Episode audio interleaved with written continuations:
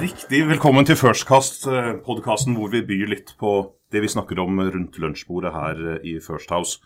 Mitt navn er Ole Tom Nomland, og jeg er partner her i First House. Og inn døren vår har vi fått en herre som uh, har vært i vinden så det holder i, i mange år, egentlig. Og, og, virkelig nå den siste tiden også, før Stilla kom og tok han.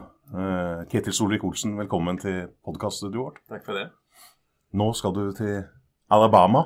Ja, nå spinner vi litt i grusen. Vi venter på å få visum. Eh, skulle gjerne hatt det allerede, men eh, vi drar til Birmingham, Alabama så fort eh, anledningen byr seg. Sweet Home Alabama er det en låt som heter. Kjenner du den? Det gjør jeg. Eh, har vært eh, kjørt gjennom Alabama en del ganger tidligere. Jeg har jo bodd i USA i fire-fem år, men eh, primært i Michigan og litt i Orlando. Så Alabama og sørstatene, det blir en ny opplevelse. Er sørstatene tilfeldig valgt, eller? Det var der min uh, frue fikk uh, mulighet til å jobbe. Hun har jo tatt amerikansk medisinutdannelse på kveldstid. Og når hun sto siste eksamen nå i sommer, så fikk hun en arbeidskontrakt med Children's Hospital i Birmingham, Alabama. Det er et av de aller største barnesykehusene i USA. Så det gir henne en unik mulighet til å praktisere og lære. Og det må hun benytte seg av. Og dette har det blitt ganske mye jeg vil si, flott omtale om rundt den måten du har også kommunisert avgangen din på synliggjort si, kanskje et aspekt som man ikke alltid har forventet av Frp-ere? Eh, det er hyggelig at, eh, at eh, en lander dette med en god måte. Det har vært en vanskelig beslutning internt i familien. men Det er ikke vanskelig å prioritere familien når han kommer til sånne veikryss i livet. Det er en avtale meg og henne hadde allerede fra ja, ca. ti år siden, når jeg stilte til gjenvalg for andre gang til Stortinget. Og at hun skulle òg få sjansen til å måte, sette kurs på sin karriere en gang muligheten bøy seg. Så har det jo vært en, en, en vei eh, der jeg har måttet snakke med både Siv og Erna for å holde dem orientert. Eh, men at det skulle bli nå, det visste vi ikke før eh, nå i sommer. Men når beslutningen er tatt, så er det hyggelig at en har kommet godt ut av det. Og vi gleder oss når alt kommer til til det året som står foran oss i USA. Men nå har vært 14 dager uten uh, aktiv politisk virke. Begynner uh, abstinenssymptomene å bli sterkt fremtredende? Ja, det, det, har vært, det, har vært, litt tunge uker, det skal jeg innrømme. Du går jo fra altså Nå har jeg sittet i regjering nesten fem år, åtte år i, i opposisjon. Jeg er rådgiver i Stortinget før det, så liksom jeg har hatt politikk på maten i 15 år. Uh, og spesielt de siste fem årene med beslutninger hver dag, arbeid dag og natt. Hatt det fantastisk gøy, men òg følt at jeg går med på viktige ting. Og så bare våkner du opp, og så er det ja. Ja, for det er en uke hvor du er liksom top of the pops fortsatt, og så blir det kanskje litt stille? Jo, men altså, en ting er medieomtalen og sånne ting, men jeg, jeg, savner rett og slett det miljøet jeg jobbet i, og det å få lov til å være med på ting som jeg vet former for, eh, både samtiden og framtiden vår. Eh, og nå har jeg ingen stemme i det lenger. Eh, Jon Georg, som har overtatt, gjør en fantastisk god jobb allerede. Så jeg, jeg, jeg har ingen bekymringer for at det jeg har jobbet med, skal, skal, forsvinne. Sånn sett, Men det var veldig kjekt å være med der det skjedde. Og når han da plutselig sitter bare og ser det utenfra, så ja, Det tar litt tid å omstille seg, det gjør det. Da har du godt av sånne obskure podkastredaksjoner ringer deg, så du ja, får, får, får, prate litt innimellom slagene. Men, men, men, men, men, men Ketil Solvik-Olsen, altså, du er nå, så vidt jeg vet, kanskje den første nestlederen som skal operere fra USA i et norsk politisk parti. Ja, de er sier, de sier at det er første gang på en, måte, en, en eh, nestleder i et parti eh, opererer utenlandsfra. Sånn at Vi har jo diskutert dette grundig i partiledelsen. Det var jo tema på siste sentralstyremøte. Men, men eh, kollegiet mener at dette skal gå bra. Det er et sterkt lag rundt Siv igjen, både i regjering og i partiet.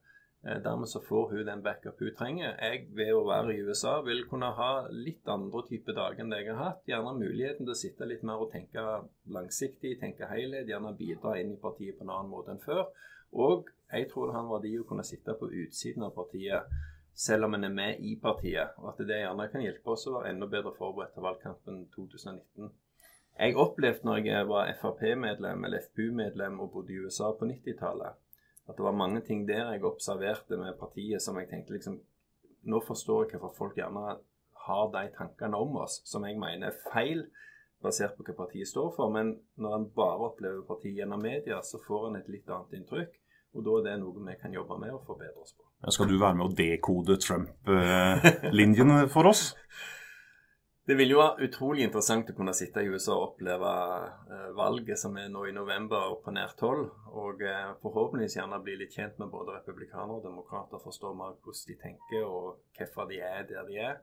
Jeg har jo òg mye venner, spesielt i Michigan, eh, som, som, der mange av de òg stemmer på Trump. Selv om de ikke liker Trump som person, så liker de politikken hans. Og det får oss gjerne forstå bedre helheten i dette som gjør at faktisk folk kan få sympatier med en person som de fleste av oss syns er ufordragelig i oppførsel, kan være med å ja, gi perspektiv som er nyttig når Norge skal forholde seg til USA.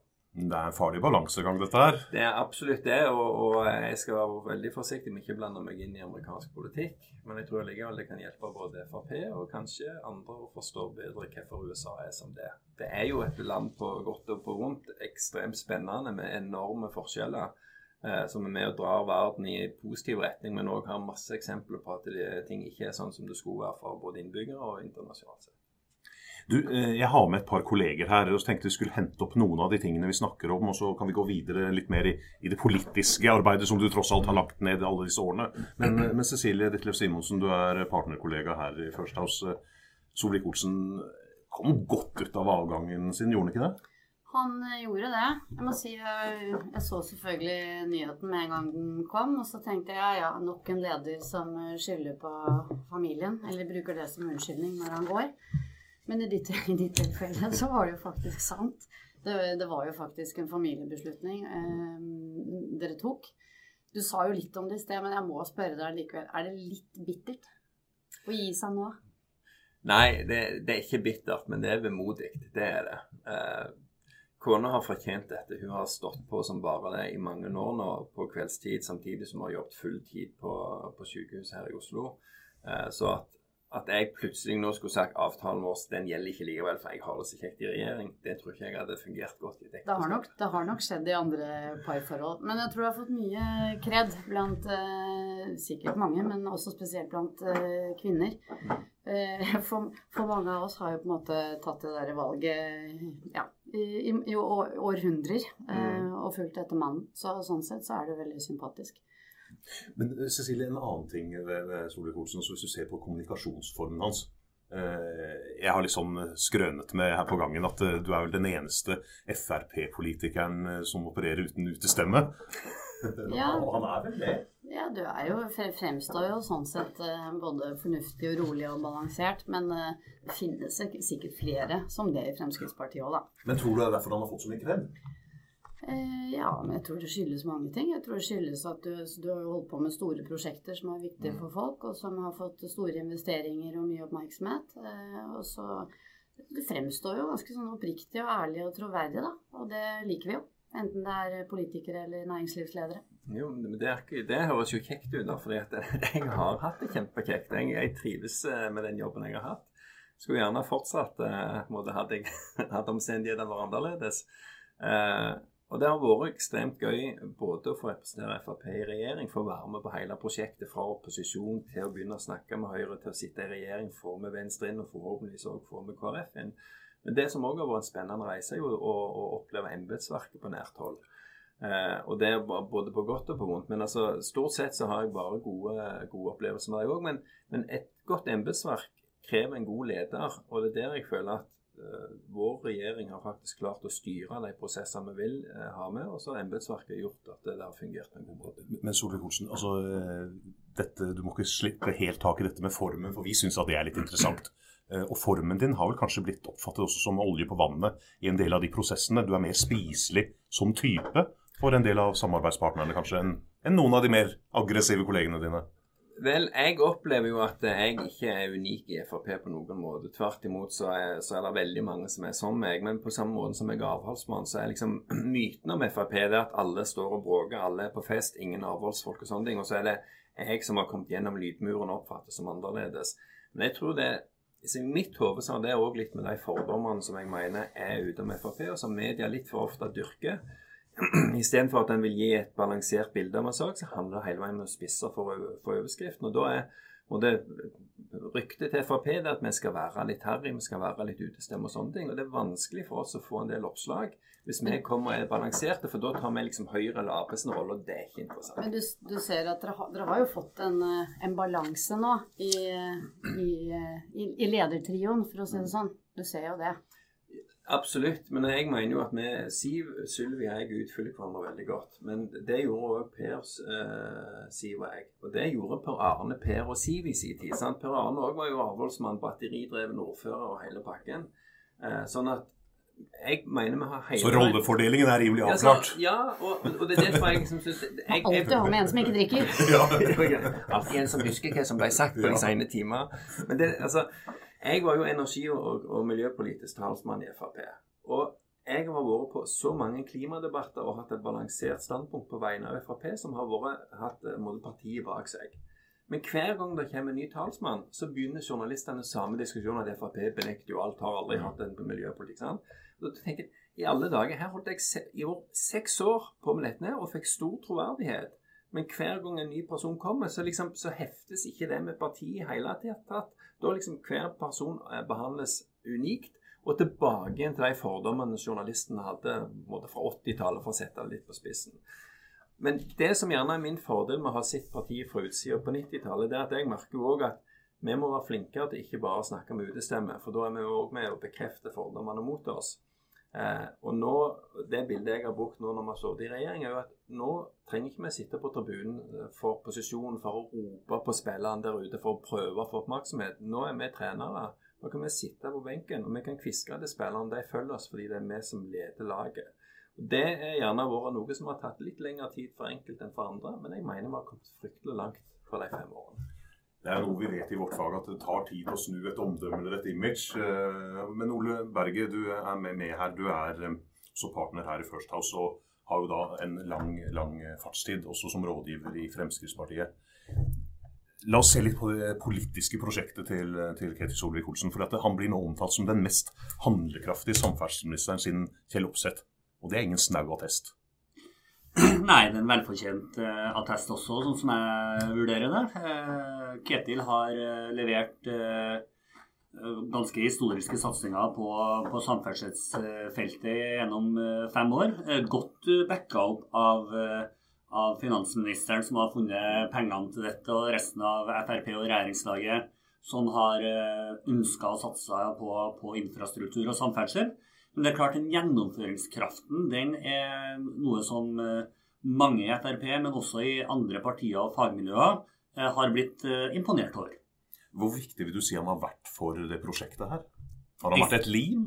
Ekstremt viktig. Og jeg var jo med når vi, vi forhandla først i 2013 med KrF og Venstre og Høyre på, på uh, Nydalen. Uh, og fikk i stand en samarbeidsavtale. Og så var vi og forhandla i Eh, eller på Sundvolden med Høyre om en regjeringserklæring. Og jeg så jo hvor viktig Ketil var i de eh, prosessene for å både ivareta FrPs eh, politiske ambisjoner i, i prosjektet, men også på den konstruktive linja for å bygge bruer over til KrF og Venstre og over til Høyre for å få gjennomslag for mest mulig politikk som de partiene var enige om. Så der var Ketil helt unik. Og formen har også vært avgjørende da? Ja, altså formen altså, jeg, tror, jeg tror ikke man skal bare tro at Ketil er en, en stillfaren og snill gutt i forhandlinger. Uh, han er en ekstremt uh, tålmodig og æreskjær politiker uh, som kan sakene sine, kan fakta. og når du sitter og vet at du har rett, sånn som Ketil i 99% av tida gjør, tror jeg, så gir han seg ikke før han får gjennomslag. Nei, Jeg har vel også hørt at du kan være ganske fast i klypa, og man må vel være det for å matche oppsetten? Jeg tror jeg har vært ganske bevisst på hva vi ønsker å oppnå. Det er jo litt sånn at veien blir til mens den går, men samtidig skal du vite hvilken retning du vil. Og vi har vært veldig opptatt av at vi skal bygge mer infrastruktur. Gjerne spesielt vei, men jeg tror mange vil bli overrasket når de ser hvor mye jernbanesatsing vi òg har. Eh, vi har vært opptatt av at vi skal gjøre regelverket enklere for, for hverdagsbilistene og entusiastene. Og vi har vært opptatt av at vi skal få mer igjen for pengene. Ifølge Arne Strand så har du bygd ned jernbanen, du husker det, Kittil? Ja, Arne Strand skulle gjerne snakket med meg av og til før jeg begynte å kommentere hva jeg holder på med, for han følger dårlig med. Men altså, Hva er det ved dere to? Han kalte deg for Hva var det? At du hadde karisma på linje med figuren i Frognerparken?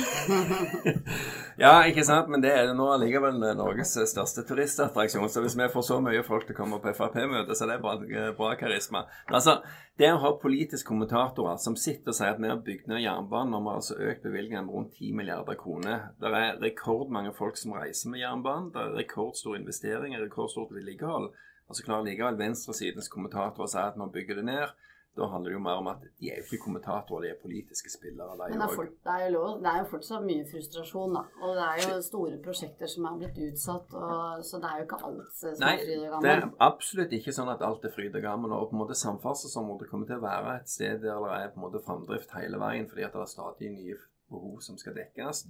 Eh, Men, men eh, de aller fleste prosjektene er faktisk i rute. De aller fleste prosjektene en før har snakket om, er det nå konkret arbeid med. Men det er riktig at sånn som strekningen med Sarpsborg, eh, der, der visste en det var kvikkleire. Men nå, forrige uke så var de drev grunnboringer der en gang til. Og De sier de borer 60 meter ned, og de treffer ikke fjell. De visste det var litt kvikkleire, men at det var 60 meter med, med måte gelé, det hadde de ikke peiling på. Og da, da hjelper det ikke hvem som hadde vært statsråd, men den kvikkleiren den hadde vært der åkke som. Så er spørsmålet klarer du å håndtere det eller ikke. Og det mener jeg. Nei, vet ikke. her, har vi faktaeksperten nå. Men, men det som er så fascinerende eh, også Jeg var jo kommunikasjonssjef i, i partiet en stund, og, og, og statssekretær for SIO og alt dette. eh, Og snakka med journalister, daglige kommentatorer og journalister som skrev om politikk. Men Arne Strand har jeg aldri snakka med.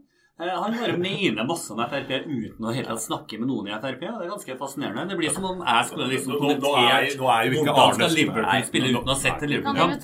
Nå, nå er ikke Arne Strand her til å forsvare seg. Vi må være litt greie også, selv om han er en mann som skyter såpass hardt at han må tåle å, å få litt tilbake. Men, men det er noe et eller annet med dere. Jo, altså, men jeg, jeg et- etter, etter så mange år i politikken så har jeg fått enda større respekt for at det er mange ulike måter å se på verden. Mange ulike måter du kan organisere en, en, en struktur og kanskje oppnå noenlunde like resultat. Men det er òg absolutt måter å organisere ting på som ikke funker. Eh, så jeg, jeg forstår godt at vi kan diskutere hvilken måte er best å gjøre det på. Men de jeg argumenterer eller diskuterer imot, forventer jeg faktisk har noenlunde basisfaktaene på plass. Og da frustrerer det meg når de åpenbart ikke har det, men bare synser. Og akkurat i dette tilfellet her, så dreier Arne Strand bare med synsing. Jeg tror vi får la la Arne Strand ligge litt, men, men for å pirke borti den ene tingen som da tross alt er litt sånn ubehagelig, på, på mange måter på en sånn seiersmarsj som du har hatt og fått med skryt. Bompengesaken er jo en hodepine, og den hefter ved deg. Ja, eh, det er jo ikke tvil om at eh, bompengene har fortsatt økt under vår regjering. Eh, samtidig så har veibevilgningene økt fryktelig mye mer, mens det var bompengeveksten som var drivkraften for forrige regjerings økte veisatsing, så er det nå faktisk statsbudsjettbevilgningene som er drivkraften, og ikke veksten i bompenger. Som Frp-er så mener jo jeg at den bompengeprotesten vi nå ser rundt i landet, er jo egentlig bare et argument for at flere må stemme Frp. Fordi det vi har prøvd å gjøre, og som vi delvis har fått flertall for Nå er det over 40 bompengeprosjekt som får økte statlige bidrag fordi Frp har kjempa det inn.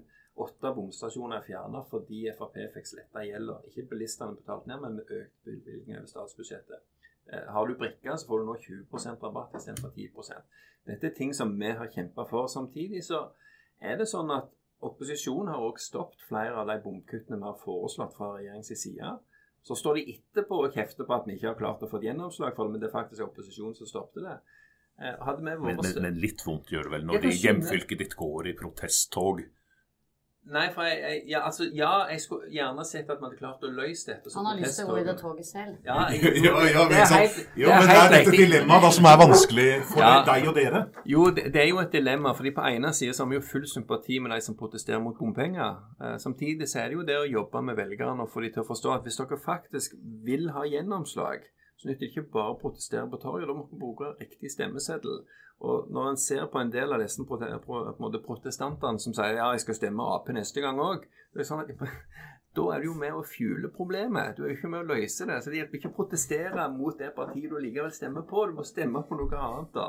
Så her kommer vi til å drive valgkamp òg i 2019 og 2021. Eh, selv om vi sitter i regjering og må altså Det er jo der du som statsråd du må forholde deg til det flertallet du klarer å oppnå i Stortinget til enhver tid. Uavhengig om du er enig eller, eller uenig. Men som, som Frp-er så mener jeg det er rett å sitte i regjering så lenge du vinner mer enn du taper. Vi har tapt bompenger, men vi har vunnet mye annet.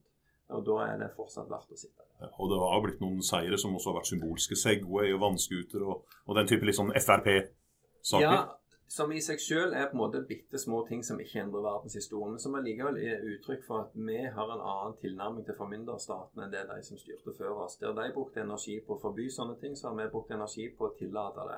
Men det er jo ikke det som definerer eh, Ikke det du blir husket for? Nei, men, men det at vi faktisk på masse områder har gjort tilsvarende ting, selv om det er Segway og vannskuter som blir merka. Men altså, når du spurte Amcar-klubben i valgkampen 2017 liksom, har, dere vunnet, har dere oppnådd noe med at Frp satt i regjering de forrige fire årene? Så har de altså ei liste tosifra antall saker. Noen av de har de holdt på med i 40 år. Det var først når vi kom i regjering at dette klarte å bli løst.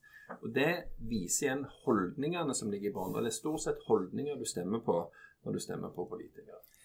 Vi må bruke den siste innflyvningsfasen her til, til å gå litt mer på partipolitikken. Og Ole, hva gjør denne nestlederkabalen nå med arverekkefølgen og fremtidsplanene for Fremskrittspartiet? Eh, foreløpig ingenting. Eh, og det skyldes at eh, Siv Jensen er partileder og har lyst til å være det i mange år til. Så lenge partiet gjør det bra, så er det ingen som snakker, bortsett fra pressen, om hvem som skal overta etter Siv. Men klart, balansen der er viktig i partiledertrioen. Det har vært, som Ketil nevnte i sted, god helt siden Per Arne Olsen og Per Sandberg var nestledere. Eh, og så har det eh, blitt bra også nå med Ketil og Sylvi sånn, eh, sammen med Siv. Men vi representerer da, og det bekrefter jo også eh, Ketil Solvik-Olsen her, altså det er en slags treenighet her. Eh, du har en partileder som eh, ligger sånn midt i løypa, og så har du to nestledere som representerer på en måte hver sin linje i partiet. Du kan ikke bare spille med høyrebacka på et fotballag heller, ikke sant? Du må være et lag som har forskjellige kompetanser, forskjellige egenskaper. Eh, sånn at du kan eh, både appellere til litt forskjellige velgersegmenter til enhver tid, eh, men også som utfyller hverandre godt i internarbeidet. Fordi at det å drive et parti med 20 000 pluss medlemmer, det er fryktelig mye arbeid også internt som folk ikke ser.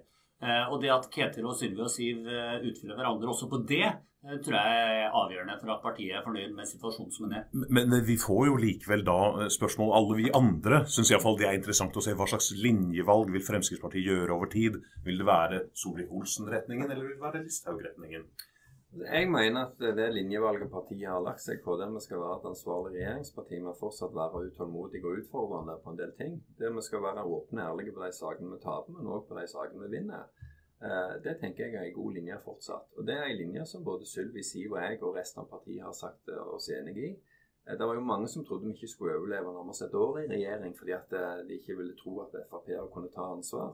Nå har vi synliggjort at jo, det kan vi, og vi klarer også å vinne valg. Og det var faktisk enda kjekkere å vinne valg nummer to enn valg nummer én. For da så vi at folk kom tilbake og stemte på oss selv når de så resultatene, og tvert imot gjerne fordi de ville ha mer av det. Så men, men, men, men, i en teoretisk situasjon, da. At man fikk en situasjon hvor en av nestlederne måtte overta. Ville du vært beredt? Altså når du sier ja til å være nestleder, så sier du ja, ja til å ta ansvar. Men eh, jeg tror verken Sylvi eller jeg er der at vi i dag går og håper eller tror at Skiv skal gå av.